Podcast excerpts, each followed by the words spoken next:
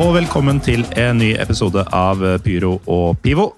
Hvis du ble skremt av at forrige episode var en såkalt eh, Zoom-episode, eh, for nå er jo pandemien over og sånn, var det noen som sa. Det er vi vel for gode for.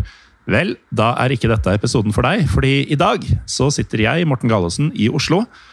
Og i Haugesund så sitter eh, Balkanfabrikk og mediesjef i FK Haugesund, Runar Norvik. Velkommen skal du være. Takk. takk. Hvordan, hvordan har du det, Runar? Jeg har det ganske bra. Eh, når man jobber i en fotballklubb og resultatene ikke er eh, all verden, så legger jo det en demper på stemningen. Både eh, privat og i jobbsammenheng. Så det kunne vært bedre om man ser til yrkesliv og resultater og livet internt i fotballklubben, men utover det så er det veldig bra. Ja. Nei, det, det, høres ut som uh, den type livskvalitet du egentlig skal ha. Ja, det er jo jeg føler det er ganske illustrerende for de fleste lag jeg uansett følger uh, ja, tettere enn andre, da, for å si det sånn. Jeg, mm. jeg har vel på sett og vis sluttet å være sånn veldig fanatisk supporter av noen eh, klubb, noen få unntak. Uh, og er heller mer opptatt av fotball på generelt grunnlag, men, men Eh, har som oftest et eh, hjerte først og fremst for de klubbene som sliter litt. Mm. Og da er du jo på rett sted. Da er vi jo på rett sted. Akkurat nå. Um, vi skal ikke dvele for mye ved, ved det, Runar, men uh, du har faktisk vært mediesjefen i FKH så lenge jeg har kjent deg. Og vi har omtrent aldri snakka om uh, noe annet enn Balkan. Så um, du må jo trives der, da, selv om det, det blåser en del?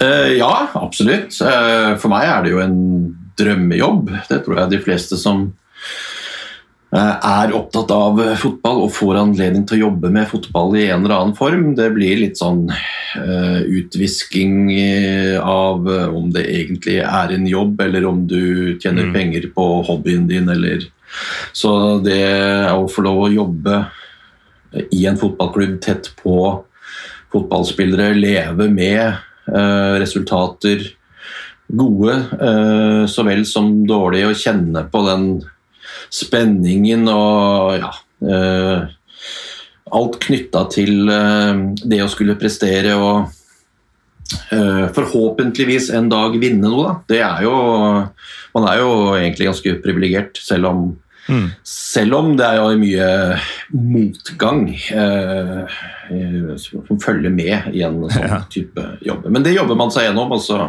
plutselig en dag så vinner man igjen. Ja, kanskje det. Eh, nå er jo ikke FK kanskje, kanskje det? Hva, hva, var det for noe? Nei, altså, jeg mener jo FK Haugesund er jo ikke en klubb som er spesielt eh, altså Premieskapet er ikke stappfullt, men det var nære på uh, for uh, altså, siste året før pandemien. Det var en cupfinale. En cupfinale. Og det har vært flere cupfinaler, for så vidt. Ja, vi har, Sitter fører eller siden, eller? Ja, Den første cupfinalen vi spilte i 2007, det var jo lenge før min tid i klubben. Da reiste man til Oslo uten egentlig noe mål om å vinne cupfinalen. Da hadde man mm. vunnet allerede. Da spilte man jo på nivå to og var jo på ingen måte favoritter mot Lillestrøm. og og leverte akkurat som forventa. Ja. Eh, men i 2019 eh, da reiste man til Oslo med ett mål for øye, og det var å vinne cupfinalen. Og det hadde man egentlig en alle tiders mulighet til å gjøre mot Viking, eh, som for dagen var egentlig veldig svake. Problemet var bare at vi var enda dårligere. Mm. På den store dagen, med et lag som om man ser tilbake på spillemateriellet, er egentlig et av de aller sterkeste som i hvert fall FK Haugesund har hatt i, i løpet av sine 30 år som klubb i, som en del av norsk toppfotball. og mm. Det var nok en veldig ja, en forspilt mulighet som man fortsatt kjenner ganske tungt på hver gang man blir minnet på det. I hvert fall gjør jeg det. Ja, og der tenker jeg vi traff uh, rett uh, stemninga for, uh, for, dagens episode. For vi skal jo ikke snakke om norsk fotball i dag heller, Runar. Vi skal Nei, jo vi skal til, skal jo til sørøstlige hjørner av Europa.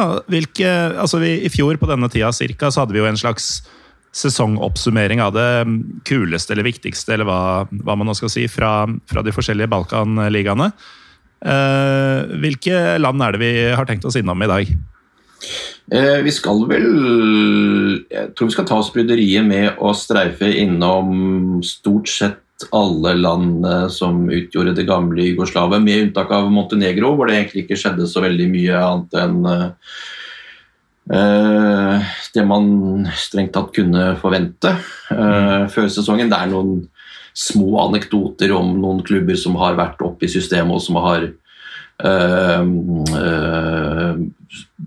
F.eks., for, for å ta kortpersonen Uh, OFK Titograd, som ble seriemester bare for noen få år siden, men som nå er nede på nivå tre. Men det er litt sånn for de spesielt interesserte. Og utover det så er det ikke så mye, tenker jeg, å hefte seg ved akkurat når det kommer til Montenegro. Det er uh, de samme klubbene som går inn og som fordeler trofeene seg imellom, og utover det så har det ikke skjedd så mye. Annet enn at det bygges et monsteranlegg høyt oppe i fjellene i Cetinje, som blir den nye hjemmebanen til uh, Loutsen, og som da blir eh, sannsynligvis en sånn ny nasjonalarena. Og når jeg sier det, så kommer jeg på en ting som det er verdt å nevne om Montenegro. Det har ikke noe med årets sesong å gjøre, men det er ganske interessant med montenegrinsk fotball. Jeg vet ikke om vi har snakket om dette før, men eh, i Montenegro så er det jo sånn at det er et land som er sentrert rundt noen store byer, og så er det veldig lange avstander. Eh, mellom bosettinger og den slags, så du kan kjøre ganske lenge høyt oppe i fjellene før du kommer til, uh, kommer til folk, rett og slett. Mm. Sånn at uh, uh, i Montenegro så har de bygget et stort riksanlegg hvor fotballforbundet har hovedsete, og hvor de Uh, og hvor Budosjnost Podgorica, som er den største klubben i Montenegro, uh, også har uh, fasilitetene sine inne på dette anlegget. Og de kjører da serierunder der. altså Klubber som har tilhold andre steder i landet under litt enklere kår, de kan reise dit og spille hjemmekampene sine. Mm. Sånn at veldig stor del av montenegrinsk serie foregår inne på dette eh, sentrale, nasjonale fotballanlegget. Eh, for at det skal være ok fasiliteter for alle lag. fordi mange av disse klubbene som utgjør f.eks. montenegrinsk toppserie, de kommer jo fra veldig veldig grisgrendte eh, strøk, mm. og hvor fasilitetene er deretter. Og Det er jo et lite særpreg ved montenegrinsk fotball. Vi skulle altså i praksis hoppe bukk over eh, Montenegro, men har ikke snakka om annet foreløpig. Og jeg har, jeg har oppfølgingsspørsmål til, eh, til, et par av tinga du har sagt. Um, nummer én, altså, du sa for spesielt interesserte. Jeg er spesielt interessert nok til at jeg registrerer at navnet på klubben var Tito-grad. Ja. Uh, Tito, var han fra Montenegro? Nei, han var uh, egentlig halvt Han er født i Slovenia, halvt slovener, halvt kroat. Uh, mm. Så han øh, kom Er det da litt freidig å kalle klubben i et annet land etter han? Nei, altså I det gamle Jugoslavia så var det jo sånn at alle disse delrepublikkene som utgjorde Jugoslavia, de eh, skulle ha én by med navnet Tito i. Mm. Så i Bosnia så fant du en eh, by eh, hvor navnet Tito figurerte. Det samme i Kroatia og i Serbia. Nå burde jeg selvfølgelig ha kunnet ramse opp alle disse byene, men uh, det er ikke en prøve, dette her? altså? Nei, uh, i så fall så ville jeg strøket så det suste. Men Prøvelse, den, mest, den, kjente, mest, kjente, byen var jo Tito, Titograd i, i, Montenegro, som ble bygget opp egentlig fra ingenting, midt ute i ingenmannsland og fikk navnet Titograd eh, helt frem til eh, selvstendigheten til Montenegro på 90-tallet, hvor eh, byen skiftet navn til Podgorica og ble hovedstad. Og, gjorde, og da skiftet jo også Bodosjnost navn, og det samme gjorde en klubb som het Mladost Podgorica. Og Mladost Podgorica, for fire eller fem år siden, så skiftet de navn tilbake til OFK Titograd mm. som de da hadde hett en gang i tiden. Eh, veldig motstrøms, fordi disse Tito-byene de har siden skiftet navn alle steder. Det, det, var store byer og det var små byer, så det var mm. enkelte eh, Tito-dvar var det vel i, i, i, Er det vel i Bosnia? Bosnia er vel det eneste stedet hvor, uten, hvor de har beholdt navnet, for Tito har en helt spesiell status i Bosnia. Mm. Um, men eh, hvor var vi? Jo, eh, OFK Titograd. Og de, eh, kort tid etter at de skiftet navn, så vant de den montenegrinske serien. Eh, da var det litt schwung over satsingen i den klubben. Eh, men det var også noe av det, det siste de gjorde. For siden så begynte nedturen. De prøvde å leve over evne, og så går det som det ofte gjør, at økonomien i klubben faller ut, og nå er de nede da på nivå tre. Mm. Kun tre eller fire sesonger etter at de ble seriemestere i, i Montenegro. Høres veldig balkansk ut. Um, Du nevnte også et nytt monsterstadion. Um, Montenegro er et ganske lite land. Uh, Hva er et monsterstadion i, um, i disse uh, omstendighetene? Eh, Etter montenegrinske forhold så er et monsterstadion et stadion som har kapasitet på ja, det er vel på et eller annet sted mellom 25 000 og 30 000 tilskuere. Eh, nasjon, nasjonalanlegget i Montenegro i dag det er jo det hjemmebanen til, eh, til Bodosjnost Podgorica. Eh, og det har vel plass til 14 000 eller noe sånt. Mm. Så de har De har vel egentlig ikke noe eh, anlegg som ruver, egentlig, i noen sammenheng. Eh, men oppe i Setinje, oppe i fjellene i den gamle hovedstaden, hvor Lovtsen, som har vært en klubb som har tidvis eh, hevdet seg, og tidvis eh, vært et sånt heislag, eh, så har de bygget holder de på nå å ferdigstille. Dette er jo et lite evighetsprosjekt, så når jeg sier at de er, holder på å ferdigstille, så, så ser det tilsynelatende ferdig ut, men det er sikkert mye som gjenstår. Det har litt eh, format av den der berømte flyplassen i Berlin over seg, med ting som egentlig aldri blir helt ferdig. Men når, når det står ferdig, så står det et flunkende nytt anlegg som kommer til å eh, være med å løfte montenegrinsk fotball på i hvert fall når det kommer til infrastruktur. I, og ligger veldig spektakulært til. Det skal vel godt gjøres å finne en stadion i fotball-Europa som, som eh, kan måle seg i forhold til eh, eh, beliggenhet som dette stadionet kommer til å gjøre.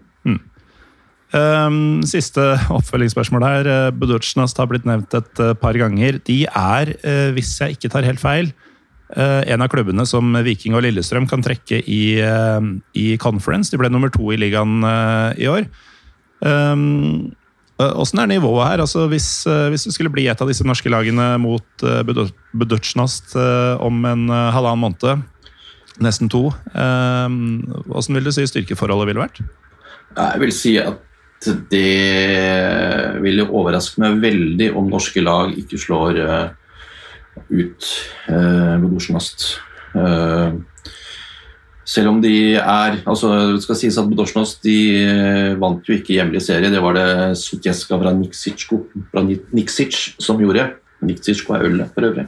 Mm. Uh, og uh, Bodosjnost er nok ikke det det en gang var, om man ser tilbake til tiden i det gamle Jugoslavia, hvor de var fast inventar og alltid produserte mange kjente spillere som siden forsvant ut i Europa. Uh, de, er ikke helt, eller de er definitivt ikke der lenger. Uh, og fotballen de spiller, er vel litt sånn mat for Mons for norske klubber. Bodosjnos kommer ikke til å være glad i å møte verken dødballer eller høyt press eller ja, lag med masse energi. Det passer de utrolig dårlig. Så jeg blir veldig overrasket om ikke både Viking og Lillestrøm, hvis de møter Bodosjnos, slår ut de på, på, i Europa. En slags drømmetrekning for oss begge, da, i hvert fall blant de lytterne av Pyro Pivo som, som holder med et av de lagene. Men uh, da var uh, Montenegro, som vi ikke skulle snakke om, uh, ut av bildet, Runar. Hvor, hvor, vil du ta oss først? jeg tenker at det er kanskje naturlig å reise til Serbia, først som sist. Ja, Hvorfor ikke? Det er jo i utgangspunktet veldig mye sånn business as usual ja, men ekstremt i år, da. Altså, Ja, når man litt- har snakka om litt- et two horse race alltid, så er det jo Man har vel aldri sett maken? Nei. Uh, litt sånn i uh, Dette er egentlig et, et, gjennomgående trekk i hele regionen. At det har vært veldig mye business as usual denne sesongen. Så, så sesongen som sådan kan man egentlig oppsummere Hele denne episoden kunne vi ha klart oss å pakke inn i løpet av ti minutter. Hvis vi mm.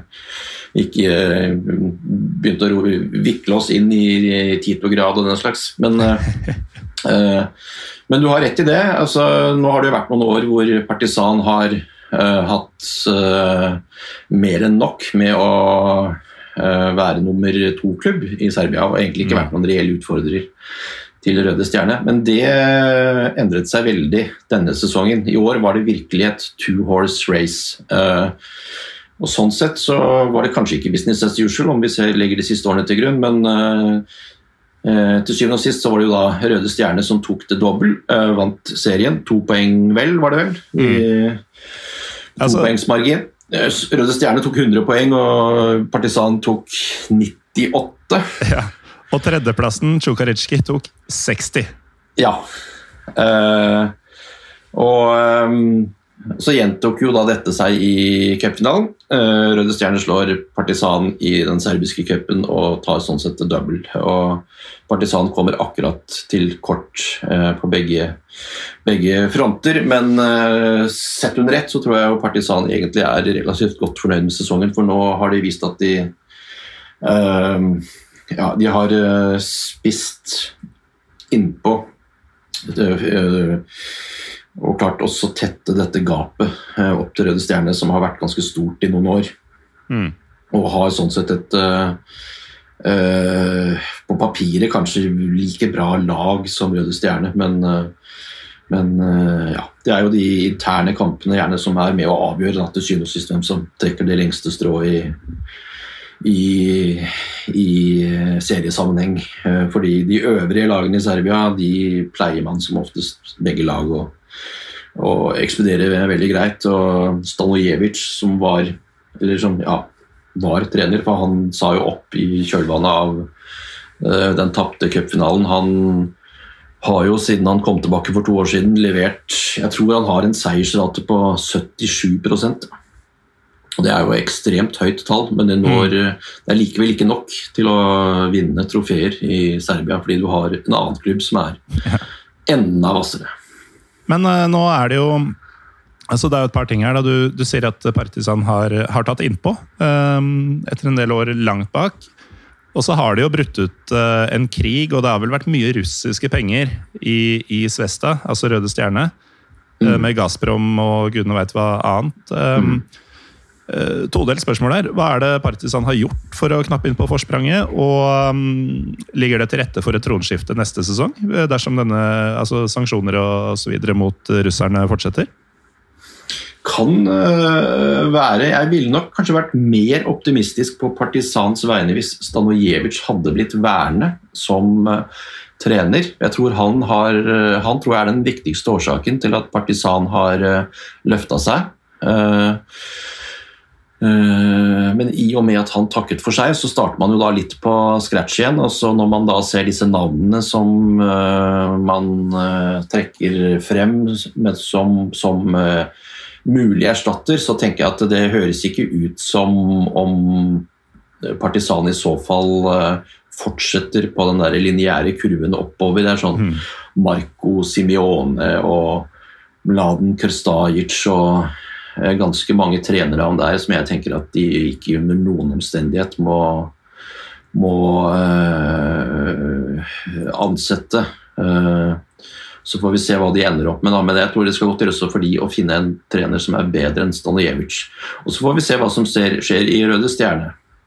Uh, fordi der er det jo både økonomiske utfordringer. Uh, og så er det jo uh, uh, spørsmål om Stankovic fortsetter som trener. helt åpent, tror jeg, om han går på en ny sesong. Det var snakk om allerede denne sesongen ved flere anledninger at han kom til å forlate klubben. allerede før sesongen og midtveis i sesongen. har blitt værende, så får vi se hva som skjer. Uh, men jeg tenker at sånn på papiret så er disse to klubbene såpass jevne at til syvende og sist så handler det om kulturen som ligger i bunn. og i Røde Stjerne så har de kultur for å vinne ting, mens i Partisan så har kulturen de siste årene vært for verdt å ikke nå opp, rett og slett. Men det er, jo, det er jo en region, og kanskje spesielt Serbia, et land med mye galskap. Um, I samfunnet generelt, men spesielt på tribunene. Og jeg tenker jo når det har vært såpass jevnt da, uh, i både serie og cup mellom akkurat disse to um, Koronarestriksjoner slipper i taket over hele Europa. Nå var kanskje ikke Serbia de hardeste på det uh, i utgangspunktet. Og ikke brydde de seg så veldig mye om det heller, selv om det offisielt var restriksjoner. Så, Nei, så var det, den berømte meteren den eksisterte ikke på Partisans hjemmekamper, for å si det sånn. Nei. Så du veit kanskje hvor jeg vil hen. Har det vært noen hendelser? Uh, det har det helt sikkert. uh, har slutta å registrere dem, liksom? Så... Ja, altså I de interne oppgjørene så har det jo alltid vært uh, bråk. Tilbake i Når var det, da? Det var så sent som i mars-april. Så var det jo sedvanlige opp... Ikke sedvanlige, det blir litt feil å si. Det, det, det, det spilles byderby mellom Partisan og Røde Stjerne som forløper relativt greit. Men i år hvor lagene øh, faktisk øh, har fulgt hverandre liksom hele veien, og det stå, har stått mye på spill i de interne kampene, mm. så har det vært øh, bråk i forbindelse med flere av kampene. Og, og senest i, i, mars var det vel siste gang de møttes i serien. da var det masse arrestasjoner og, og akkurat det man gjerne forestiller seg i forbindelse med disse byderbyene, byderbyene i, i Beograd. Mm. Så Så Så Beograd er fortsatt Beograd? Beograd er i aller høyeste grad fortsatt Beograd. Jeg var i Beograd nå Når var det? Det er ikke så lenge siden jeg kom tilbake fra Beograd. og det er jo en fantastisk by hvis du er glad i, hvis du er glad i Balkan. Det er jo mm. Balkans eneste metropol. og du trenger ikke engang være opptatt av fotball for å synes at Beograd er en fabelaktig by. Uh, og da, da, kunne jeg, da hadde jeg valget mellom å De hadde klart å pakke alle kamper uh, inn på en og samme dag, så du måtte prioritere knallhardt hva man ville se. Så jeg kunne i valget mellom Røde Stjerne mot Novi Pasar i den ene cupsemifinalen og og eh, Partisan Beograd mot eh, Vojvodina i den andre, så endte jeg like godt opp med alternativ tre. OFK Beograd, som er min klubb, da. Ja, det er gutta dine? Ja, det, jeg følte, følte, egentlig Valget for meg var egentlig ganske enkelt. Uh, hvis jeg først er i Beograd og OFK spiller, så prioriterer jeg jo alltid de. Selv om uh, opprykkstoget i tredjedivisjon, hvor de har tilhold, hadde gått på det tidspunktet. Så så jeg lokalderbyet, for de spiller jo en lokal Beograd-liga på nivå tre mot uh, relativt uh, ubetydelige Brodarats, en, som, da er, som, da betyr elvebredde, eller mm. Som er en klubb som holder til ved elvebredden i Beograd. Ja. Åssen gikk det? Eh, OFK Beograd vant 5-1, og det var faktisk en av de aller beste kampene jeg har sett på Jeg kan ikke huske siste gang jeg koste meg så mye med spillet ute på banen. Eh, for det er en ganske lang forhistorie her. altså OFK Beograd eh, har jo tidligere vært en storklubb, har rykket ned. Eh, og ned og ned og ned og ned. Og i fjor så holdt de faktisk på å rykke ned faktisk fra nivå tre. Så det, i dag er det jo ingenting som lenger vitner om Eh, Fordums storhet, bortsett fra at de spiller på en veldig stor uh, og falleferdig arena om Ladinski, som er jo Ja. Uh, den er spesiell. Den er spesiell. Hadde den vært i sin fordums prakt, så hadde det jo vært en kjempefin stadion. Mm. du ser jo at her er jo mye historie og sånn, men men eh, to, tre, tre, fjerdedeler av stadion det er i praksis bare en langside som brukes nå. Eh, de resterende tre fjerdedelene har jo stått og forfalt gjennom 30 år. Eh, sånn at når jeg kom dit Men i år, det var, der, var det jeg ville inn på Men i år så skulle OFK Beograd liksom ta et krafttak og komme seg tilbake. Og så startet det veldig bra. De ansatte en uh, trener ved navn Miodrag Angelkovic, het han vel. En tidligere OFK-spiller. Og han uh, førte dette laget rett til serieledelse, og de tapte vel bare én kamp i høstsesongen i fjor. Trona øverst med fem poengs margin ned til Zemun og uh, Rabotnitsjki Novi Beograd som fulgte, fulgte på plassene bak. Uh, og Så finner han ut at han skal trekke seg, fordi han er ikke fornøyd med uh, ja, forsterkningene som han blir forespeila å hente. Mm. Uh, og så går det jo selvfølgelig da som man kan forvente, at den neste treneren som kommer inn, han får sparken etter to kamper. Uh, to tap. Uh, to, to, kamper, to tap. ut med han, og så henter de inn en ny trener. og så har de mista momentumet, og så sakker de akterut, og så skjønner man at opprykkstoget går. Men så skal det sies at når jeg satt og så dette OFK Beograd-laget, så ble jeg jo Ja jeg har jo sett de ganske mange ganger, men jeg, jo, jeg tror jeg aldri har sett spillere på nivå tre i Serbia med så gode individuelle ferdigheter som ja. det OFK Beograd har akkurat nå. De har fanget opp en, en håndfull med spillere som har gått gradene i akademiene i Partisan, i Røde Stjerne. Uh, og som har nådd en alder hvor de skjønner at de ikke kommer til å bli satset på. Og så har de i stedet for å finne seg klubber andre steder i Serbia.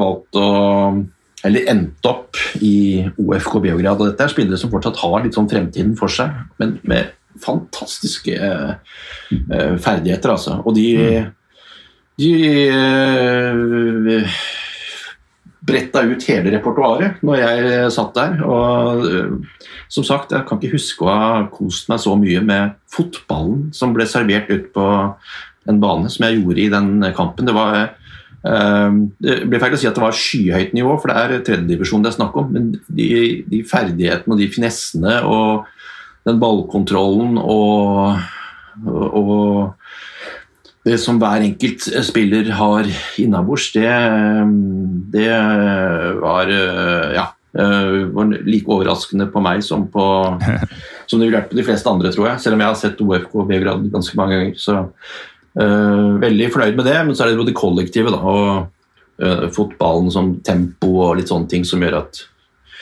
uh, det er fortsatt en lang vei frem før de er tilbake i, i serbisk fotball. Hvis de noen gang kommer dit. Jeg var jo på Omladinski første gang jeg var i Serbia. Det, var, det er drøyt åtte år siden nå. Og vi også, eller selv den gang, da var det jo i, i Superliga. Eh, slo Javor, tror jeg det var, eh, 2-1. Um, og da, da, var det jo også sånn som det er nå. Da, at det er den ene langsida under tak hvor det ikke er sånn veldig mange seter og rader, men det er den det som det har noe som ligner fasiliteter. Ja. Uh, og da ser man jo over på den andre langsida som ville vært på en måte den store hovedtribunen. Og det er jo egentlig bare blitt en sånn uh, betongkledd, uh, mosete bakke. Ja, det var, var, det i hvert fall den gang. Jeg tipper det ikke er veldig vedlikeholdt siden da. Nei, det, det, som var mose for åtte år siden, det har vel blitt mer eller mindre fullvokste trær, faktisk. Det, mm. Forfallet har uh, bare tiltatt det siden den gang. Så, så OFK Beograd de har en lang vei å gå. Jeg vil si at den er faktisk kortere hvor man ser til det rent sportslige, men og desto lenger når det kommer til Eh, alt som hører med en toppserieklubb i Serbia når det kommer mm. til fasiliteter og den slags. Så. Men eh, du brukte ordet innabords, Runar, og du har sagt at du ganske nylig var på Balkan. Ehm, jeg sitter her med en liten røver i det lille glasset. Det gjør ikke jeg, du? Nei, jeg misunner deg den, merker jeg. Nei, jeg jeg, eh, jeg reiste til eh, eh, Serbia nå for et par uker siden. Så reiste jeg såkalt Goal Light. og Det åpner for at du kan ta med deg strengt tatt bare en tannbørste og ikke så veldig mye mer. Så det var ikke rom for å ta med seg noe eh, godsaker tilbake. Nei.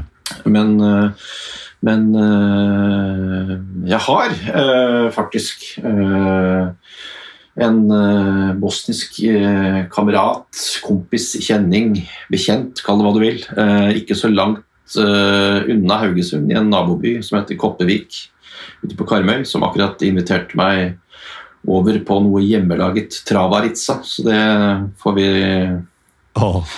Det får bli Jeg, jeg var misunnelig fram eh, altså til og med hjemmelaget, men da du sa Travaritza, da, da mista du meg. De, de, de vante rakiaene vi skryter av i Pyro Pivo, er disse fruktbrennevinene. Gjerne av pære, plomme, kvede eh, osv. Men eh, den du nevner nå, det er noe ganske annet. Ja, Travaritsa er vel eh, for de enten veldig lokale eller de viderekomne, vil jeg si. Det er ikke noen, nødvendigvis noen stor smaksopplevelse, men jeg tenker alternativet mellom eh, ikke-rakia og rakia, uavhengig av hva det måtte være, er eh, sånn sett så er jo valget enkelt. Så jeg har aldri takket nei til en Travaritsa Travaritza og har ikke tenkt å begynne nå, så, Nei, så nei, det må du ikke finne på. Og så er det brygget med kjærlighet, da. Det skal jo sies. Ehm, før vi forlater Serbia, du nevnte så vidt Novi Pasar i en, um, i en bisetning i stad, Uh, som et av lagene du kunne se kanskje den dagen. Mm. Ehm, for det første en klubb som skiller seg ganske ut uh, i, i serbisk eh, liga, men jeg ser jo at de, de lå jo sist uh, etter, etter grunnspillet. Mm. Og så går de da inn i de sju playoff-kampene og tar fem seire, én uavgjort og ett tap.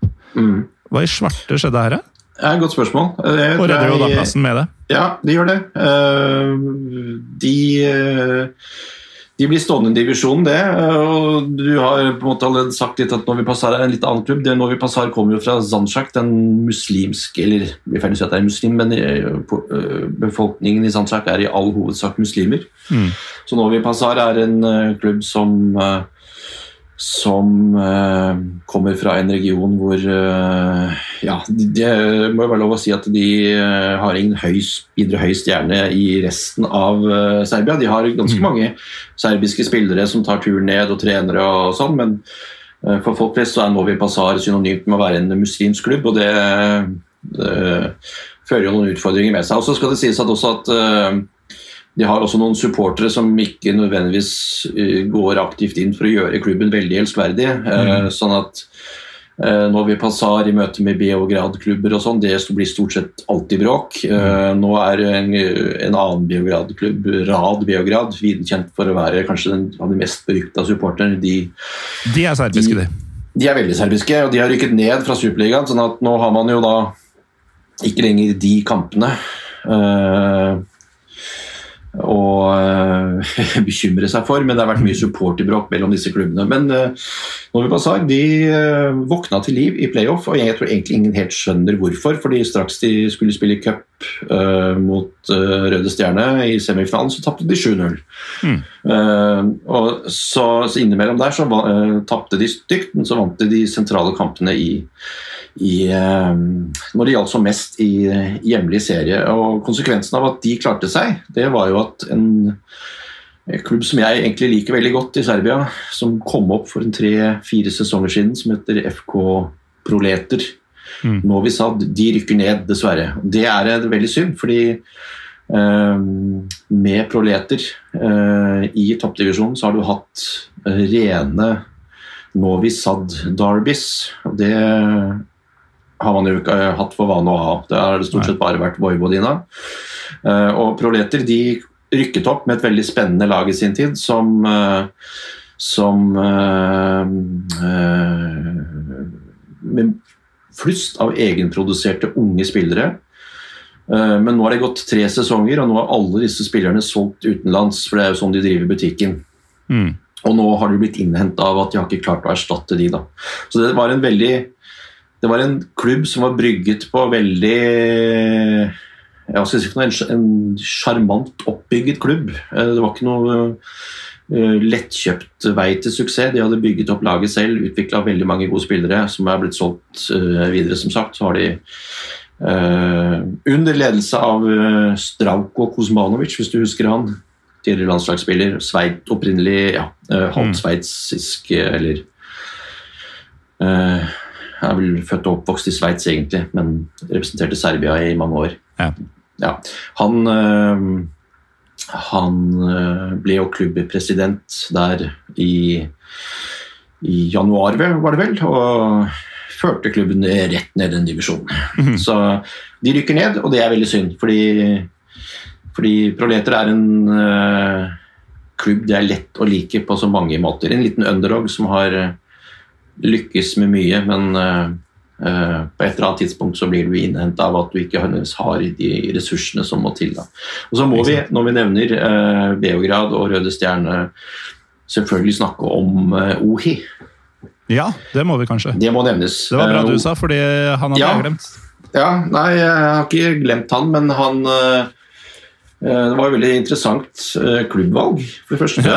Eh, veldig, jeg var veldig overrasket over at han uh, endte opp med å signere for Røde Stjerne. Nå vet ikke jeg hva slags alternativer han hadde, men det var uansett et veldig friskt valg, fordi han kan umulig ha visst hva han egentlig gikk til. Han kan ha blitt forespeilet noe, men det betyr ikke nødvendigvis at det er det som venter han når du reiser til Beograd og skal spille for Røde Stjerne. Men Ohi har klart seg ganske bra. Han, øh, han har skåret eh, akseptabelt med mål. Eh, ikke sånn blendende mye, som man kan forvente av en spiss Røde Stjerne, men klart seg helt greit. Skåret noen viktige mål, vært med og bidratt til at de har eh, sikt tatt det double. Men det skulle ikke mer enn en periode på ja, det var vel halvannen måned hvor han gikk syv kamper uten å skåre.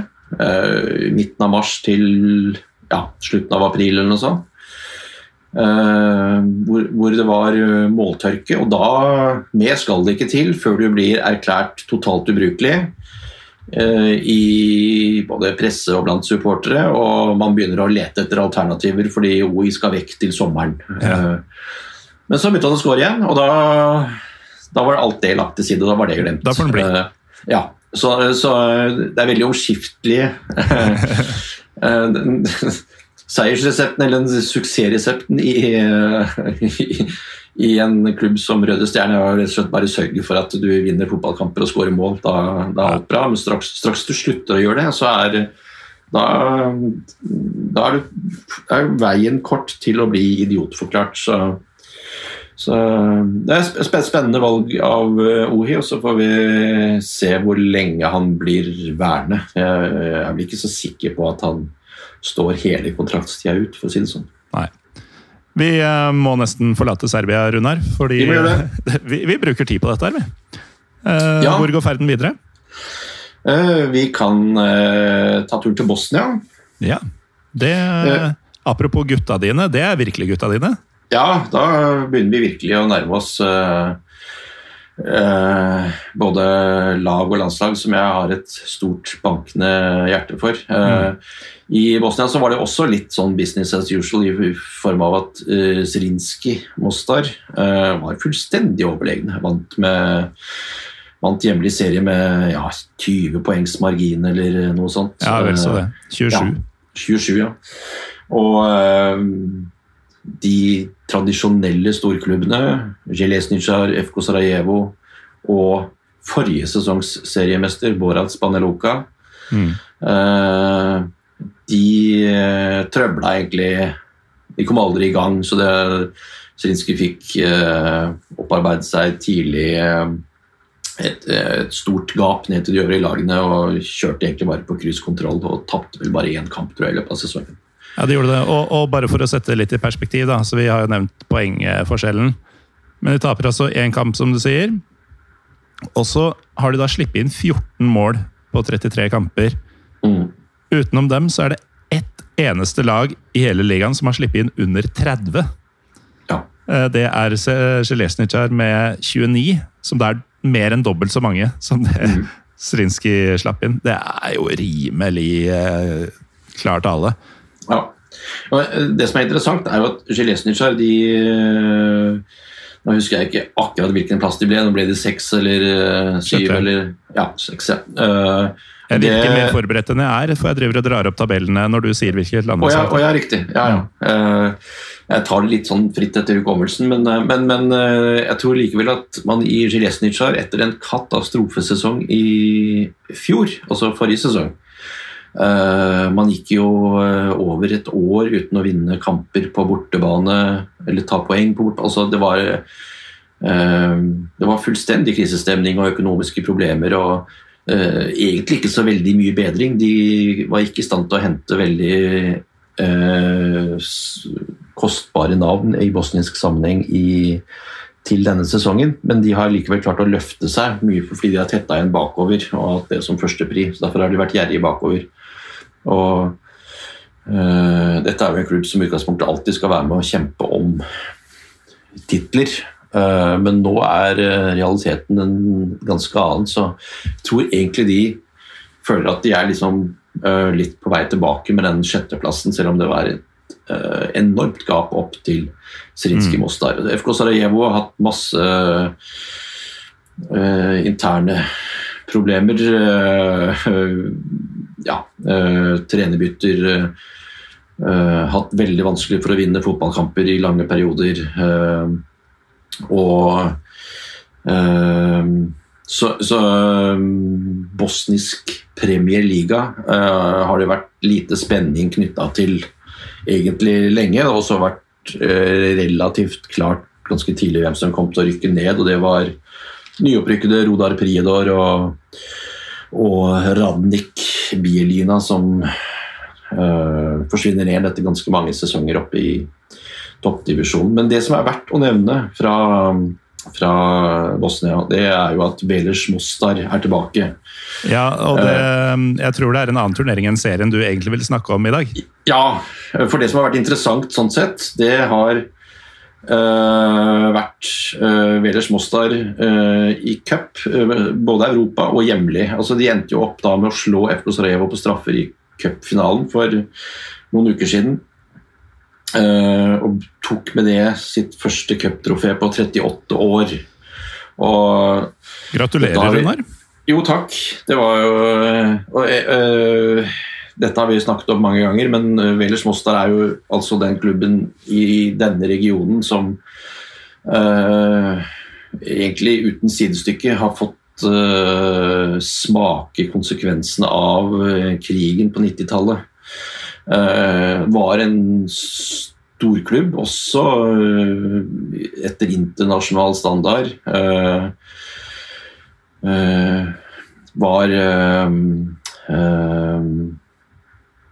var ja, ofte å finne i Europa, hvor de hevdet seg i europacuper og den slags, men startet i praksis på scratch etter krigen og har gradvis jobbet seg opp. og vært veldig mye veldig mye magneturer og, og, mye surr og tull og den slags. Uh, men de siste fire-fem årene så har de virkelig fått schwung på ting. Bygget uh, uh, en Ikke bare hjemmebane, men et helt anlegg rundt hjemmebanen sin, som, som er blant de aller fineste i Bosnia. Så nå har de en struktur og en organisasjon rundt klubben som er på et helt annet nivå enn tidligere.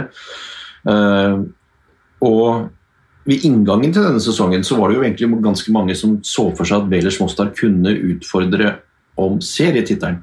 Uh, ja, uh, fordi de avslutta så sterkt. Forrige sesong de tapte vel én kamp uh, løpet av det siste halvåret i sesongen 2020-2021, og nådde med det Europa. Men det ble også kanskje litt prisen de betalte. Altså Prisen de betalte for å nå Europa, det var at de bl.a. i inngangen til sesongen, før sesongen startet, skulle spille en del tøffe kvalifiseringskamper. Slo bl.a. ut AIK Aten over to kamper. Uh, spilte jevnt med Elfsborg fra Sverige, men røk ut da til slutt. Uh, og Da så det jo egentlig på papiret veldig bra ut, men de starta jo siden sesongen, den hjemlige sesongen veldig dårlig. Og øh, slet veldig, veldig lenge med å uh, komme til hektene i hjemlig serie. Uh, og sånn sett så var jo det hjemlige seriespillet uh, Det gikk jo det, Man var jo ganske fort hektet av der.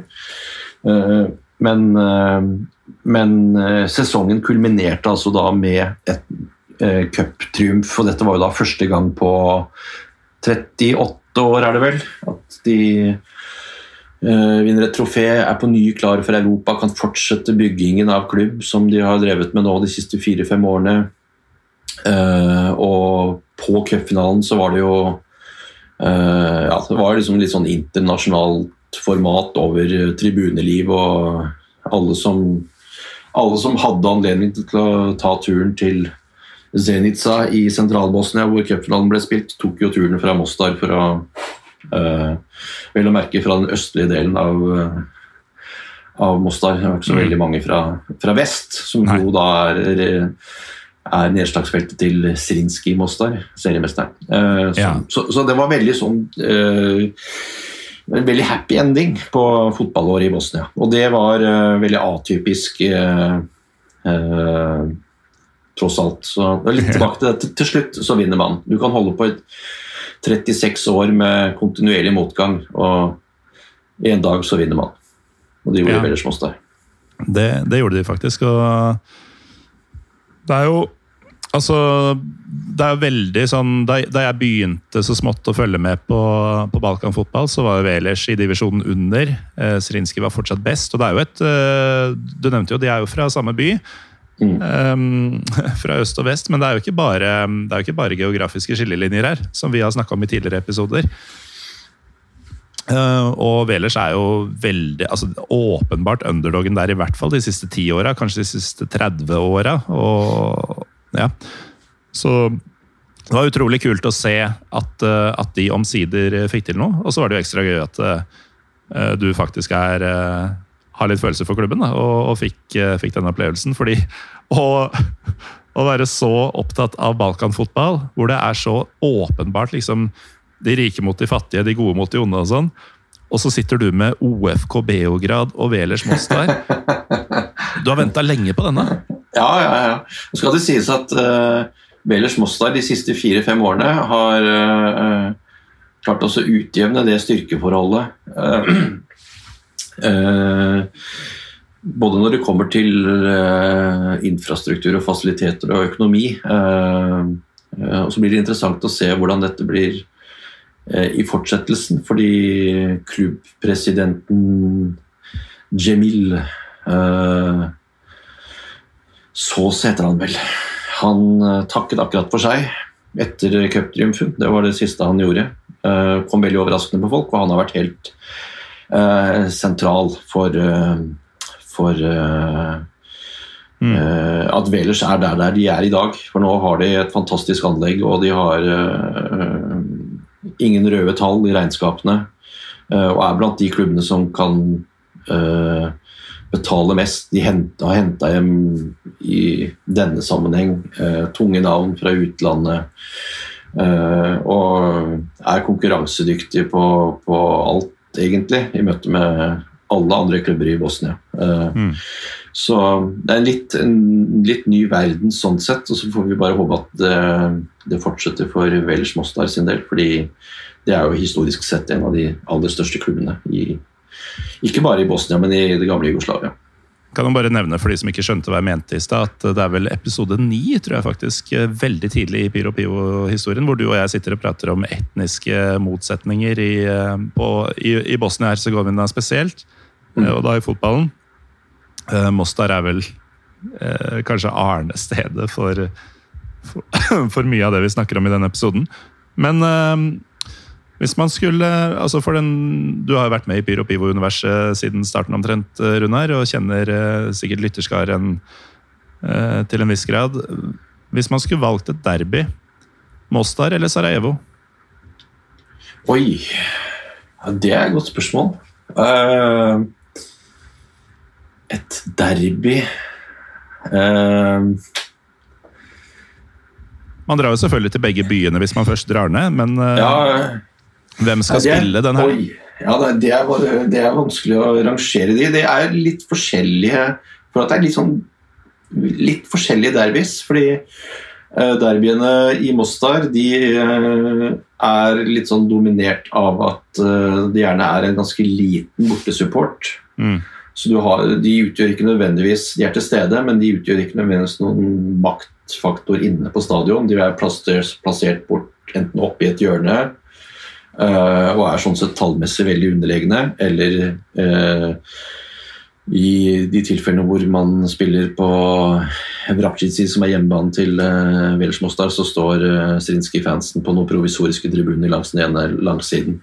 Så du får ikke, den, du får ikke det trykket som du får på et Sarajevo-derby. Mm. Uh, for der er det jo uh, det ene Der er det jo 6000 bortesupportere i, i uh, den ene svingen når Sarajevo spiller hjemme mot Zjeleznicar uh, f.eks. Og det, det, er jo en helt annen atmosfære knytta til de uh, derbyene inne på stadion. Men uh, Mostar-derby er nok uh, i hvert fall i enkelte derbys, ikke alle, men ofte så kan det være mye annet rart rundt.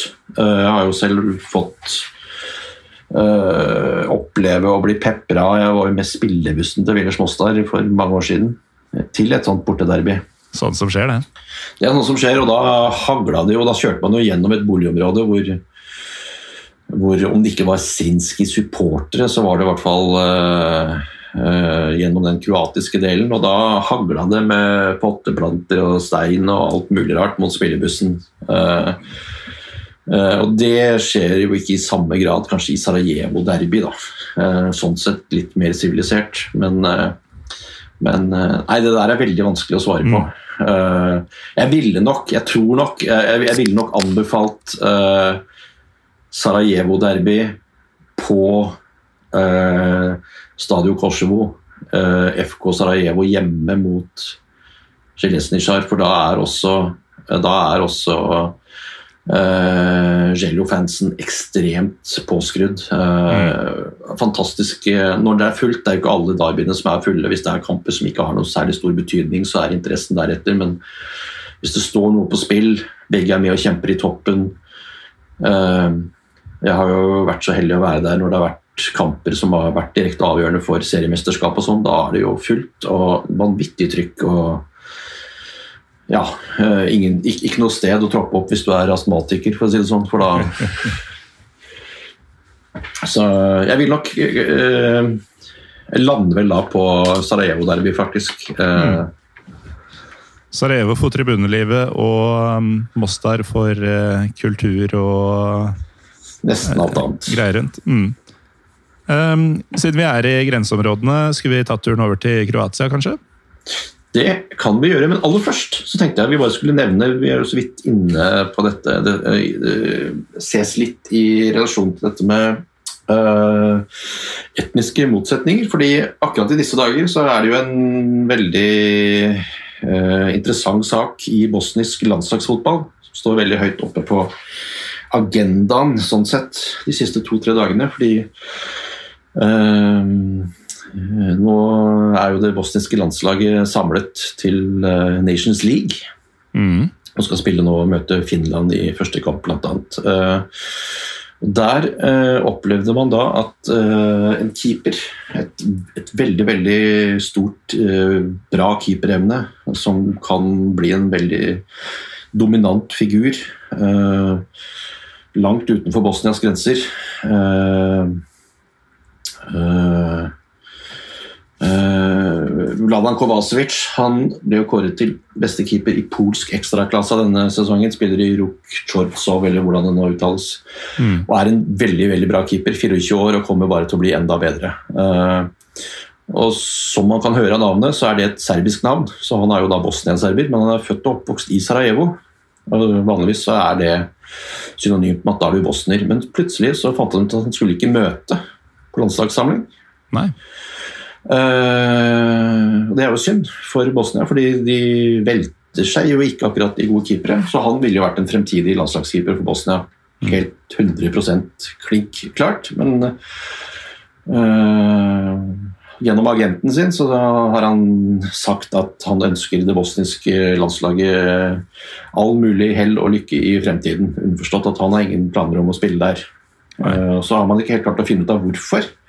Om dette er fordi han mener han har blitt forbigått for lenge tidligere. At han burde For sånt er det jo veldig mye av i mentaliteten.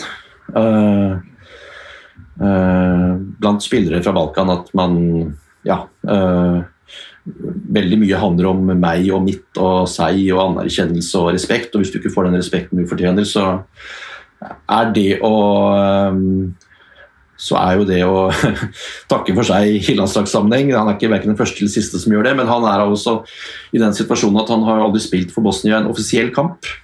Og nå er det jo da øh, Ja, det er, ikke, det er jo ikke offisielt bekrefta, men nå tror jo folk at er folk veldig sikre på at han egentlig går og venter på en mulighet til å bli innkalt til det serbiske landslaget. Mm.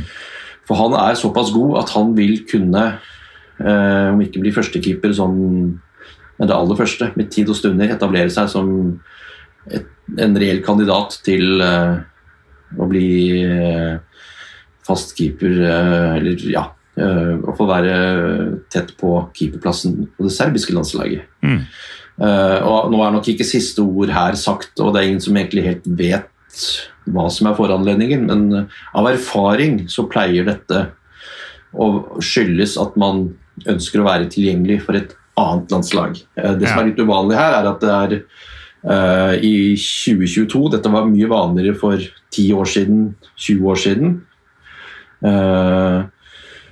og har avtatt veldig med årene.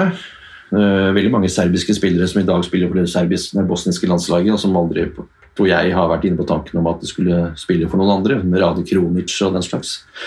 Uh, men uh, nå har man jo da fått en ny sånn situasjon. overfor for Bosnia så er det jo selvfølgelig veldig beklagelig at de mister en, en potensielt veldig god spiller. dette er en keeper man kommer til å høre mye om i fremtiden, det er jeg helt sikker på. og så er det litt sånn der, av det gamle grumset at uh, det ligger en sånn derre uh, nasjonalistisk streng i bunnen her som gjør at man ikke vil spille for hjemlandet sitt, hvor man mm. er uh, født og oppvokst, og hvor man egentlig er et produkt av fotballen, men man vil heller spille for Serbia for å vise at man er serber, eller ja, hvordan det nå er, da. Ja, og dette har jo vi snakka om siden de første gangene vi stakk sammen. Ja, og det, og dette, det, år, at, at Bosnia, Bosnia-Hercegovina mister jo spillere til nabolandene hele tida. Ja da. Luka Jovic et annet eksempel. Eh, så det er eh, på ingen måte eh, noe nytt fenomen, men vanligvis så har dette vært forbeholdt spillere som er, kommer fra den, altså Republika Serbska-delen. Mm. Spillere som er født og oppvokst i den bosniske konføderasjonen i Sarajevo, som er mer en sånn multismeltedigel, hvor det bor serbere, hvor det bor kroater og hvor det bor muslimer. og sånn, eh, i, i, nyere tid så har ikke det liksom vært noe tema eh, i noe mm. særlig grad, før det plutselig dukker opp igjen nå. Da.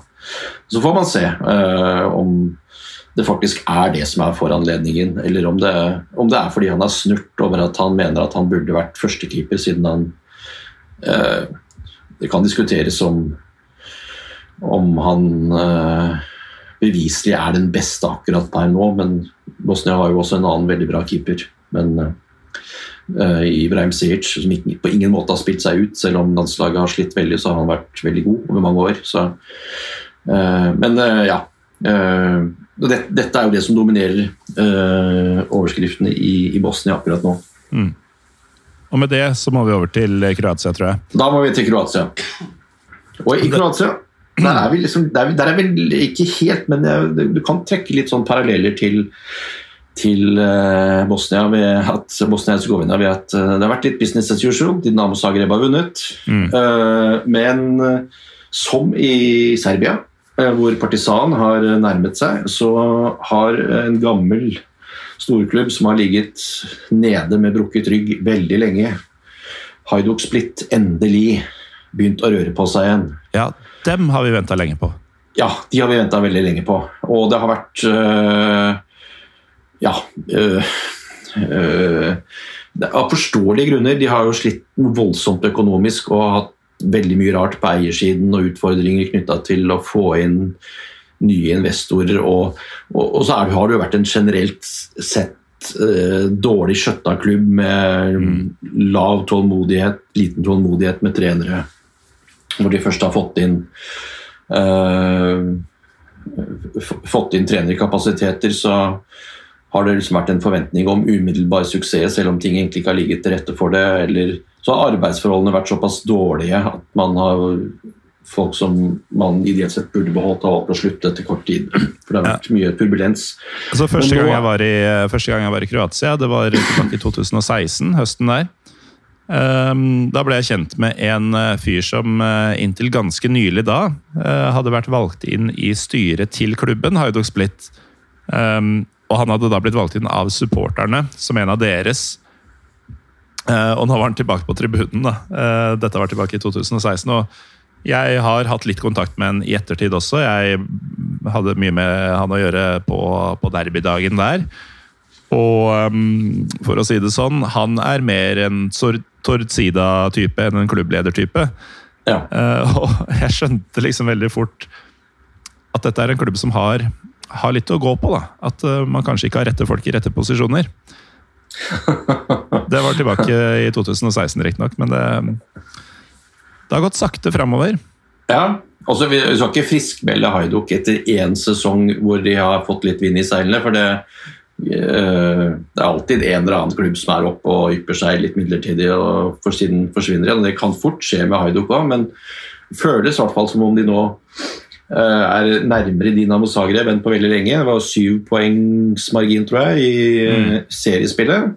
Og så vinner man da cupfinalen og dette er, det er lenge siden, jeg tror det er ti år siden, tror jeg. Haiduk har vunnet noe som helst. Mm.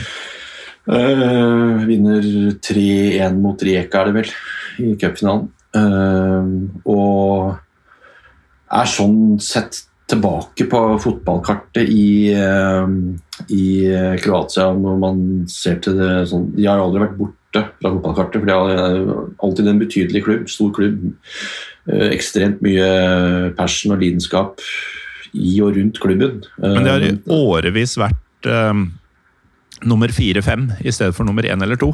Ja, og de har hatt mer enn nok med å være fire-fem. Liksom. Det mm. var en periode hvor de slet med å være best i byen også. Når, når RNK Splitt, en annen splittklubb, var oppe uh, i sin tid. Så de har, eh, de har, virkelig vært nede i knestående, men er jo på vei tilbake. og Det er jo et interessant aspekt ved, ved kroatisk fotball denne sesongen, som tilsynelatende ser veldig normal ut ved at nok en gang så er det Dinamo Zagreb som vinner. Men eh, den historisk sett største rivalen og utfordreren, eh, de er tilbake.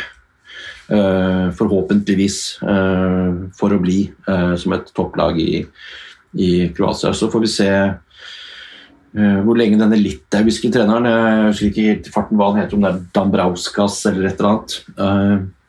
Hvor lenge han holder ut. Det kan være at han også får nok, som flere har gjort før han. Det var en svensk trener her, Jens Gustavsson. Han varte ikke lenge. så, så Tenk å være ja. en svenske ved navn Jens Gustavsson og så tror du at du kan takle Haiduk Split. Ja, nei, det uh... Altså, Navnet skjemmer kanskje ingen, men uh, du, du, du, skal være en ganske spesiell versjon av en som heter Jens Gustavsson, for å, for å kunne stå i det der. Ja, ja. Det, igjen, det, jeg liker jo folk som kaster seg litt ut i det ukjente, fordi du blir jo forespeilet noe, men samtidig så bør du jo vite at det er jo ikke eh, helt sånn det er og blir. Mm. Uh, og, og i, selv i denne regionen så har jo Haidok vært en klubber med veldig høyt støynivå masse bråk og turbulens og ja eh, Egenrådige styremedlemmer og presidenter og direktører som tar beslutninger eh, litt uavhengig av hverandre og litt sånn. Så, så det er vel kanskje det mest interessante akkurat ved, ved den eh, kroatiske eh, klubbfotballen inneværende år, at Haiduk, Haiduk, er tilbake, rett og slett. Mm. Det er det. Um, nå har vi jo vært gjennom um, de tre landene man kanskje forventer å høre om, i tillegg til mer Montenegro enn enn eh, mange kanskje hadde håpa på. Det er jo et par mindre nasjoner, sånn eks-jugoslaviske nasjoner også. Er det, er det, verdt å gå gjennom noe i Nord-Makedonia eller Kosovo eller Slovenia eller hva det nå skal være? Ja, Kosovo, da tror jeg du skal ringe noen andre. Ja. Uh, der er jeg dårlig oppdatert, må jeg si. Det, uh, det må være lov. Ja, jeg har eh, Jeg vet ikke De har liksom kommet til underveis, så jeg har liksom aldri klart å bare koble meg på det. Jeg, mm. Så, så da Da vil jeg nok Eh, ringt noen andre, Gallosen, men uh, Nord-Makedonia uh, Ja, hva skal man si om Nord-Makedonia? I den topp, toppserien i Makedonia, Nord-Makedonia ville jeg vel kanskje ikke brukt så mye tid på å oppsummere. Det var vel Skopi som vant. Mm. Nok en sånn oppkomling av en klubb som med røtter i den albanske delen av, av Nord-Makedonia. Jeg kan jo kanskje si at det mest interessante Eller det er nok mer interessant å lese uh, den albanske delen av um, uh, James Montague-boka, uh, 1312 Among the Ultras, enn å høre på oss snakke om det. Fordi ja. dette med albansk del og sånn det er ikke alle som er klar over at det er andre typer navn enn Pandev og Sedloski i, i Makedonia, eller Nord-Makedonia. Men uh, det er et lite, det er et lite mini-Jugoslavia der også. Absolutt. absolutt. Og uh, Nord-Makedonia er jo et veldig fint land. Uh, jeg, jeg, vet at det er mange som er uenig med, med meg i dette her, men jeg har veldig gjort meg ganske mange erfaringer etter hvert. Jeg har et veldig klart inntrykk av at nordmakedonerne skiller seg veldig fra de øvrige i denne regionen i det gamle Jugoslavia sånn lynnemessig. Nordmakedonerne er veldig avdempede og rolige og øh, ja øh, skiller seg sånn sett fra, fra øh, Ja, de passer ikke inn? Nei, de passer ikke inn. De skiller seg i hvert fall veldig ut. da. Men det som er interessant med, med, med nordmakedonsk klubbfotball i fjor og i år, det er jo egentlig det som har skjedd på nivå to. Fordi I fjor så rykket jo Vardar Skopje Vardar Skopje er jo en stor klubb uh, i det gamle Jugoslavia. Mm. Uh, den eneste klubben fra gamle Makedonia som på en måte var en maktfaktor i jugoslavisk fotball. Produserte mm. jo mange kjente spillere, hevdet seg i Europa. Og var, har vært fullstendig suverene, desidert største klubben i makedonsk fotball. Uh, I forrige sesong så fikk de jo enorme økonomiske problemer og var jo i realiteten konkurs. Uh, og måtte fullføre sesongen med et nesten rent juniorlag. Uh, og rykket ned. Uh, men det interessante er jo at de, på tross av altså Nå har de ikke hatt all verdens ressurser i år heller, men de har jo da hentet inn en del ok navn med tanke på å komme seg tilbake igjen i toppdivisjonen. Men det klarte de altså ikke. Så Vardar Skopje de går inn i sin sesong nummer to på nivå to. Det er kanskje ikke så mye som tyder på at de skal uh, returnere til nordmakedonsk toppfotball med det første. Og dette er sånn du kan snakke om Hamburger Sportsverein i, i Tyskland som har rota bort uh, Dette er vel mer om Bayern München skal havne i den situasjonen? En, ja, altså, ja, altså Hamburg er jo en i utgangspunktet kjempestor klubb i Tyskland. Uh, og har, rota, har jo da rota rundt på nivå to nå i fire sesonger. og aldri klart, er fortsatt ikke klart å komme seg tilbake. og det er liksom, Dette er jo da det nordmakedonske motstykket. og Styrkeforholdsmessig og historisk sett en enda større klubb enn det HSV er mm. uh, i Tyskland. Men, men de har altså da ikke klart å komme seg tilbake. Eh, denne sesongen. Og det eh, vil gi rimelig høye odds uh, før sesongstart. Så det mest interessante klubbfotballmessig i Nord-Makedonia, det, det, er det som har utspilt seg i, på nivå to. Hvor, mm. uh, hvor Vardar Skopje, som jo faktisk var i Champions League-kvalik her bare for noen tre-fire sesonger siden og møtte Rosenborg, bl.a. Mm. Uh, ja, det er ikke lenge siden, altså. Det er nei, det, fem år siden eller noe sånt. Ja, så Når nedturen først kommer, så kan, det, kan ting skje, skje, veldig fort. Og Hører dere Bodø-Glimt?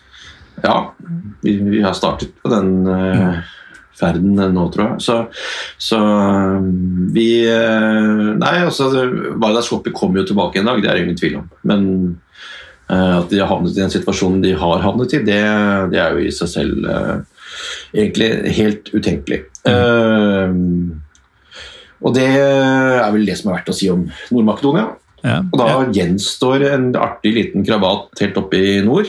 ja. Der, Eh. der Balkan begynner, tror jeg jeg og Fredrik Visor Hansen eh, sa en gang om eh, det jeg tror du refererer til, nemlig Slovenia. Ja. Eh, de fleste slovenere vil vel være dypt uenig i akkurat det. Eh, de vil jo ikke bli assosiert med Balkan-begrepet. Ja, men Det kan du bare glemme. Ja, nei, eh, For noen er jo det en hedersbevisning, mens for andre så er det et litt sånn belasta eh, merkelapp å få. Men, eh, men eh, uavhengig av det, så igjen Jeg har sagt det før, jeg kan si det igjen. eh, litt sånn business as usual med Maribor som eh, vinner. Mm. Eh, og ganske stor forutsigbarhet i at Olympia Ljubljana er med der oppe. Eh, og Mora, som regjerende seriemester Mora, eh, var inne i topp fire. Det var akkurat som forventa, for det er, det er liksom de fire lagene. Og så er det da Europeisk gruppespill i, um, i denne sesongen, tror jeg det var. Ja, om det ikke var forrige. Nei, de spilte faktisk uh, Møtte vel Tottenham i gruppespill, Mm. blant annet. Og, Mer overraskende at uh, sydenlaget Kåper uh, er der oppe, eller? ja, og det, var, det er liksom uh, utropstegnet. Mm. Ikke bare er de der oppe, de har jo vunnet cupen, for det første. Kåper tok Kåpan. Ja, og ble nummer to i hjemlig serie. og eh, Koper er jo en kystby. Jeg tror de er den fjerde eller femte største byen i, i Slovenia. og Sånn sett så burde det jo vært et permanent innslag i en serie som eh, i mine øyne er altfor stor, fordi det er så enorm forskjell på Det er klubber, da. bunn. Ja, øh, og det er i utgangspunktet fem for mye, om du ser til kvaliteten på de nederste lagene. Mm. Uh, Men Cooper har i hvert fall i, de, altså de har jo flere, i flere perioder vært nede på nivå to også. uh, hvilket er helt uh, absurd, fordi å klare å rykke ned fra, fra det slovenske uh, toppserie. det er en prestasjon. Altså. Og du Eh, skal helst bli helt sist for å kunne Ja. rykke. Ja, og du, du møter veldig mye landsbylag eh, i løpet av en sesong. Mm. Eh, så, sånn at eh, Sånn at eh, Cooper har på en måte eh, ikke vært i nærheten av å prestere det de har gjort før nå. Eh, eh, og så blir det da interessant å se om dette også er en sånn døgnflue. Da, for Cooper er jo egentlig en klubb som har forutsetninger for Mm. infrastruktur og fasiliteter og sånn. Igjen. Uh, Og tiltrekkende beliggenhet. Fordi Ja. altså, du sier det er en ganske stor by i slovensk målestokk. Uh, men de, de har jo omtrent ikke kyst. Så Nei. det er den klart største kystbyen, og det gjør dem jo til en sånn nesten sånn semikroatisk oase i et ja. land som hovedsakelig er fjell og skog. Og så er det jo et litt sånt økonomisk lokomotiv i Slovenia. Det er jo en eh, havneby som Ja, eh, sentral by sånn sett. Sånn at eh, eh, det meste ligger jo egentlig til rette for at Cooper skal kunne være eh, eh, med i toppen på permanent basis, men det har man ikke noen tradisjon i nyere tid for å være. Så det er jo det som er verdt å merke seg hvis du skal mingle sosialt uh, gjennom sommeren på hageselskaper og den slags blant plommetrær på Bygdøy eller hvor man nå dukker opp, så, og du skal diskutere slovensk fotball, så er det greit å ha orden på greit å ha orden på Cooper, for da tenker jeg at da kjører du safe. Og bare si at de har jo de har jo hatt en meget sterk sesong, uvanlig sterk sesong, vil jeg nesten si. Så Ja. Da er du satt kartet på plass, eller hva, man nå sier. Det er bra denne episoden kommer ut uh, mer enn tidsnok til Bislett Games, for det er vel gjerne da folk skal ut i disse jordbærhageselskapene og sånn. Da er det jævlig greit å ha siste nytt fra Koper og slovensk, slovensk ligacup. Det det, men det er alltid greit å Det er alltid greit å ha noen sånne knagger å hente frem. eh, Ja. Når samtalen går litt i stå. Ja, altså pensle inn på slovensk super eh, nei, toppserie og, og for, eh, formtoppen til eh, Cooper som har blitt prikket perfekt til sesongen 21-22. Det er noen ganger jeg glemmer hvor gæren denne podkasten egentlig er. Fordi dette er andre året på rad at vi tar en sånn generell Balkan-sesongoppsummering, du og jeg. Og så slo det meg nå at altså for det første er jo flere av de siste episodene handla om sånn Tromsø-supportere og Wales, og da walisisk klubbfotball. da, Ikke det gode landslaget deres. Um, men så har vi også tidligere hatt en egen episode om slovensk fotball. Hvem faen er det som vil høre på det? Bortsett fra deg. eh, ja, nei øh, øh, Jeg har jo brukt begrepet for de spesielt interesserte, og det øh, det, det står seg, det. Det er jo Men det handler jo ikke om uh, kvantitet, tenker jeg. Uh, så jeg Eh, Jeg vil heller, vil heller spille en podkast for ti dedikerte balkanrockere enn for enn for Jeg vet ikke hvor store lyttertall disse største podkastene har, jeg, men som du bare har i bakgrunnen på øret mens du er ute og jogger og knapt nok får med deg hva som egentlig blir sagt. Og Ja. Nei, et uh, sikle-emoji-verdig utsagn eh, der, eh, Runar. Jeg tenker at de som har hørt på helt til nå, de er ikke så nøye på om dette faktisk er, har, har noe liksom verdi um, i seg selv. Så da tenker jeg at uh, når vi spiller inn denne episoden, så er det jo um, onsdag kveld. Det betyr mm. at eh, Og den er ment å komme ut natt til fredag. Så når, når den kommer ut, så er jo kampen mellom Serbia og Norge spilt allerede. Men når vi sitter og snakker nå, så, så skal den jo spilles, eh, og vi veit ingenting. Um, kan ikke du eh, kjøre litt sånn spåmann-varianter. Og så kan eh, folk høre hvor på jordet eller hvor spot on du er når du først tar dette, dette makkverket i sine ører. Ja, nei, jeg tror jo at Norge skal få kjørt seg skikkelig i Beograd. Nå møter vi et eh, Vi hadde jo egentlig mer enn nok eh, eh, utfordringer i møte med de hjemme på Ullevål for ja, er det et år siden. Og nå møter vi et serbisk lag som er enda bedre, og som bare har vokst under uh, Pixie Stojkovic. Og Tenk at han trener landslaget. det er jo Ja. jeg har jo gått og venta på det i 15 år. Jeg, jeg har vært helt sikker på at av en av veldig få som på en måte har både karismaen og autoriteten og eh, fag... Altså de taktiske evnene, treneregenskapene, som har hele pakka, eh, som må til for å håndtere serbiske spillere som på papiret er veldig gode, men som straks de har trukket landslagstrøya over hodet og møttes til landskamp, aldri har levert uh, på det nivået man kunne forvente. Uh, han, er, uh, han er en av veldig få som har den kapasiteten, og det har han egentlig vist fra dag én av. Mm. Så det serbiske laget som vi møter nå, det er et meget bra lag, rett og slett. Og det er et bra lag. Det er ikke ja, en gjeng med gode lag. spillere. Nei, det er et bra lag.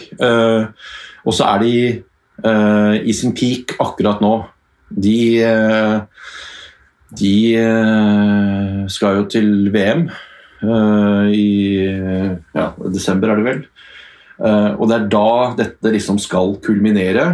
Fordi det er også litt sånn, Jeg skal ikke si at det er siste reis for et par av spillerne, men for ganske mange av spillerne så er det nok uh, nå at de er på sitt aller beste. Mm. Uh, og et nytt mesterskap om to år, eh, da er Tadic sannsynligvis på vei ned, hvis han i det hele tatt er med lenger. Det gjelder nok ganske mange eh, av de serbiske spillerne som er sånn 30-ish, litt i overkant av 30, rundt 30. Mm. At det er nå, det er nå de skal eh, faktisk få uttelling for alt det talentet som faktisk finnes i det, det serbiske landslaget. Og så skal det sies at uh, det er nok et lag som er mye bedre fremover enn bakover, men de er så sterke fremover at det er vanskelig å få gjort noe med eh, de svakhetene som de eventuelt har bakover i banen. Men det er jo Eh, eh, Og altså, selv uten, selv uten Vlaovic, som er skada og som ikke er med, så eh, tror jeg at eh, vi får kjørt oss skikkelig i Beograd. Eh, og så kan vi også foregripe begivenheten med at vi skal jo møte Slovenia også. Og det er jo da et stykke frem i tid etter at denne sendingen er gått på lufta, men vi kan jo evaluere spådommen min og at det er et lag vi kommer til å slå. Mm. Den er eh, grei, Runar. Eh, Det slår meg nå at eh, eh, Siden du nevnte Slovenia. Vi har faktisk eh, name-droppa både Koper og Kopervik i dagens episode. Og det er jeg ganske sikker på at vi er verdens første podkast til å gjøre. Så gratulerer. Jo, takk. Det var, eh, var utilsikta, men i ettertid så ser jeg at det var jo eh, med på å løfte denne relativt tynne episoden betraktelig.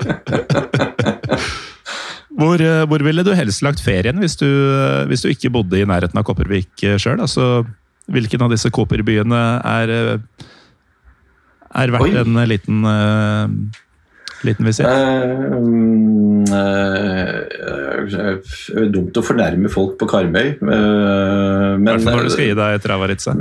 Ja, men, eh, men jeg vil ikke akkurat utrope Kopervik til noe ferieparadis. Altså, det, er jo, det er jo Skudenes havn helt i syd som er liksom sommerbyen eh, over alle sommerbyer, ikke bare i, i, eh, i, i, i denne regionen, men ja, i, norsk sammenheng vil nok eh, eh, mange påstå. Men eh, jeg ville nok heller ha lagt eh, ferien min til Piran, litt syd for uh, Koper.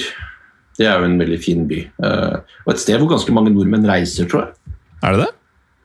Ja, jeg, De gangene jeg har vært der, jeg, og jeg har vært der stort sett om sommeren, Mm. så har jeg møtt ganske mange nordmenn som har ferieleilighet eller Det er mye gærninger der ute, altså. Ja, eh, men det er jo en veldig Det er jo en sånn type et alternativ til de som ikke vil eh, bo på andre siden av eh, bukta i Italia eller Mm. eh, Så eh, ja, jeg vil nok, om ikke akkurat til Cooper, så ville jeg vel ha reist litt lenger syd, til Piran. Men eh, altså, vi nevnte jo Budocnost eh, tidligere som en mulig motstander for eh, Viking og Lillestrøm-supportere nå i sommer. Cooper er jo også um, i, i den turneringa, i den runden. Mm. Så um, det, er, det er noen Balkan-muligheter for, um, for de som kunne tenke seg en tur dit uh, i sommer. Jeg vil jo det vil jeg jo absolutt anbefale hvis man får anledning til å reise på en bortekamp. Uh, Attpåtil uh, for å se en kamp man har relativt gode forutsetninger for å vinne. Så det kan jo bli Også skikkelig gøy. Koper, eller? Ja, ja, absolutt. Uh, vi skal ikke overvurdere nivået i kroatisk, nei, i slovensk toppserie. Så de eneste lagene der med litt sånn pondus internasjonalt ja, Fristende å si at det egentlig bare er Maribor. Det blir lenge siden Ljubljana hadde kapasitet til å utrette noe særlig i Europa. Maribor har det med jevne mellomrom, litt sånn generasjonsavhengig og sånn, men, men øh, øh, Lillestrøm Koper, det er klink uh, hjemmeseier, det kan jeg si. Åh. Ja, da, da blir det det. Apropos Ljubljana, så um, sist jeg var der, så fant jeg litt sånn derre Kristiania-aktig område der. Du er helt sikkert kjent med det fra før, men uh, hvis noen uh, skal dit, så kan jeg fortelle mer. Uh, ukjent for meg, Morten, det må jeg bare si. Jeg har vært, ja, det begynner å bli ganske mange år siden jeg var i Ljubljana sist, men uh, dette området gikk jeg glipp av. Jeg, har jeg gått glipp av. gjorde jeg også første gangen, men uh, andre gangen så satt det. I hvert fall, jeg tror, jeg tror nesten ikke vi burde snakke noe mer med mikrofonene på, Runar. Takk for at du var med. Det passer bra. Jeg har egentlig ikke noe mer på hjertet heller. Så Det tror jeg fint lite på. Jeg kan jo nevne det at er- jeg, har, jeg, jeg, har jo en, jeg har en slovensk uh, favorittspiller. Eller, en, ja, eller i hvert fall han er favorittspilleren min av alle slovenske spillere.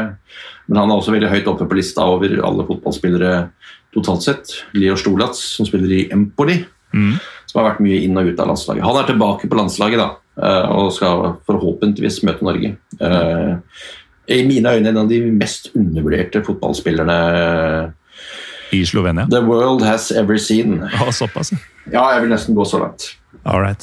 Det får bli siste ord fra meg. Det er gode siste ord, eh, Runar eh, Norvik, eh, Balkanfabrikk og mediesjef i FK Haugesund. Takk for at eh, du var med. Bare hyggelig. Takk til deg som fortsatt av en eller annen utrolig grunn eh, hører på. Jeg heter Morten Galaasen. Vi er PyroPivopod på Twitter og Instagram. Og vi høres eh, faktisk eh, igjen neste uke, men det nærmer seg sommerferie, bare så du veit det.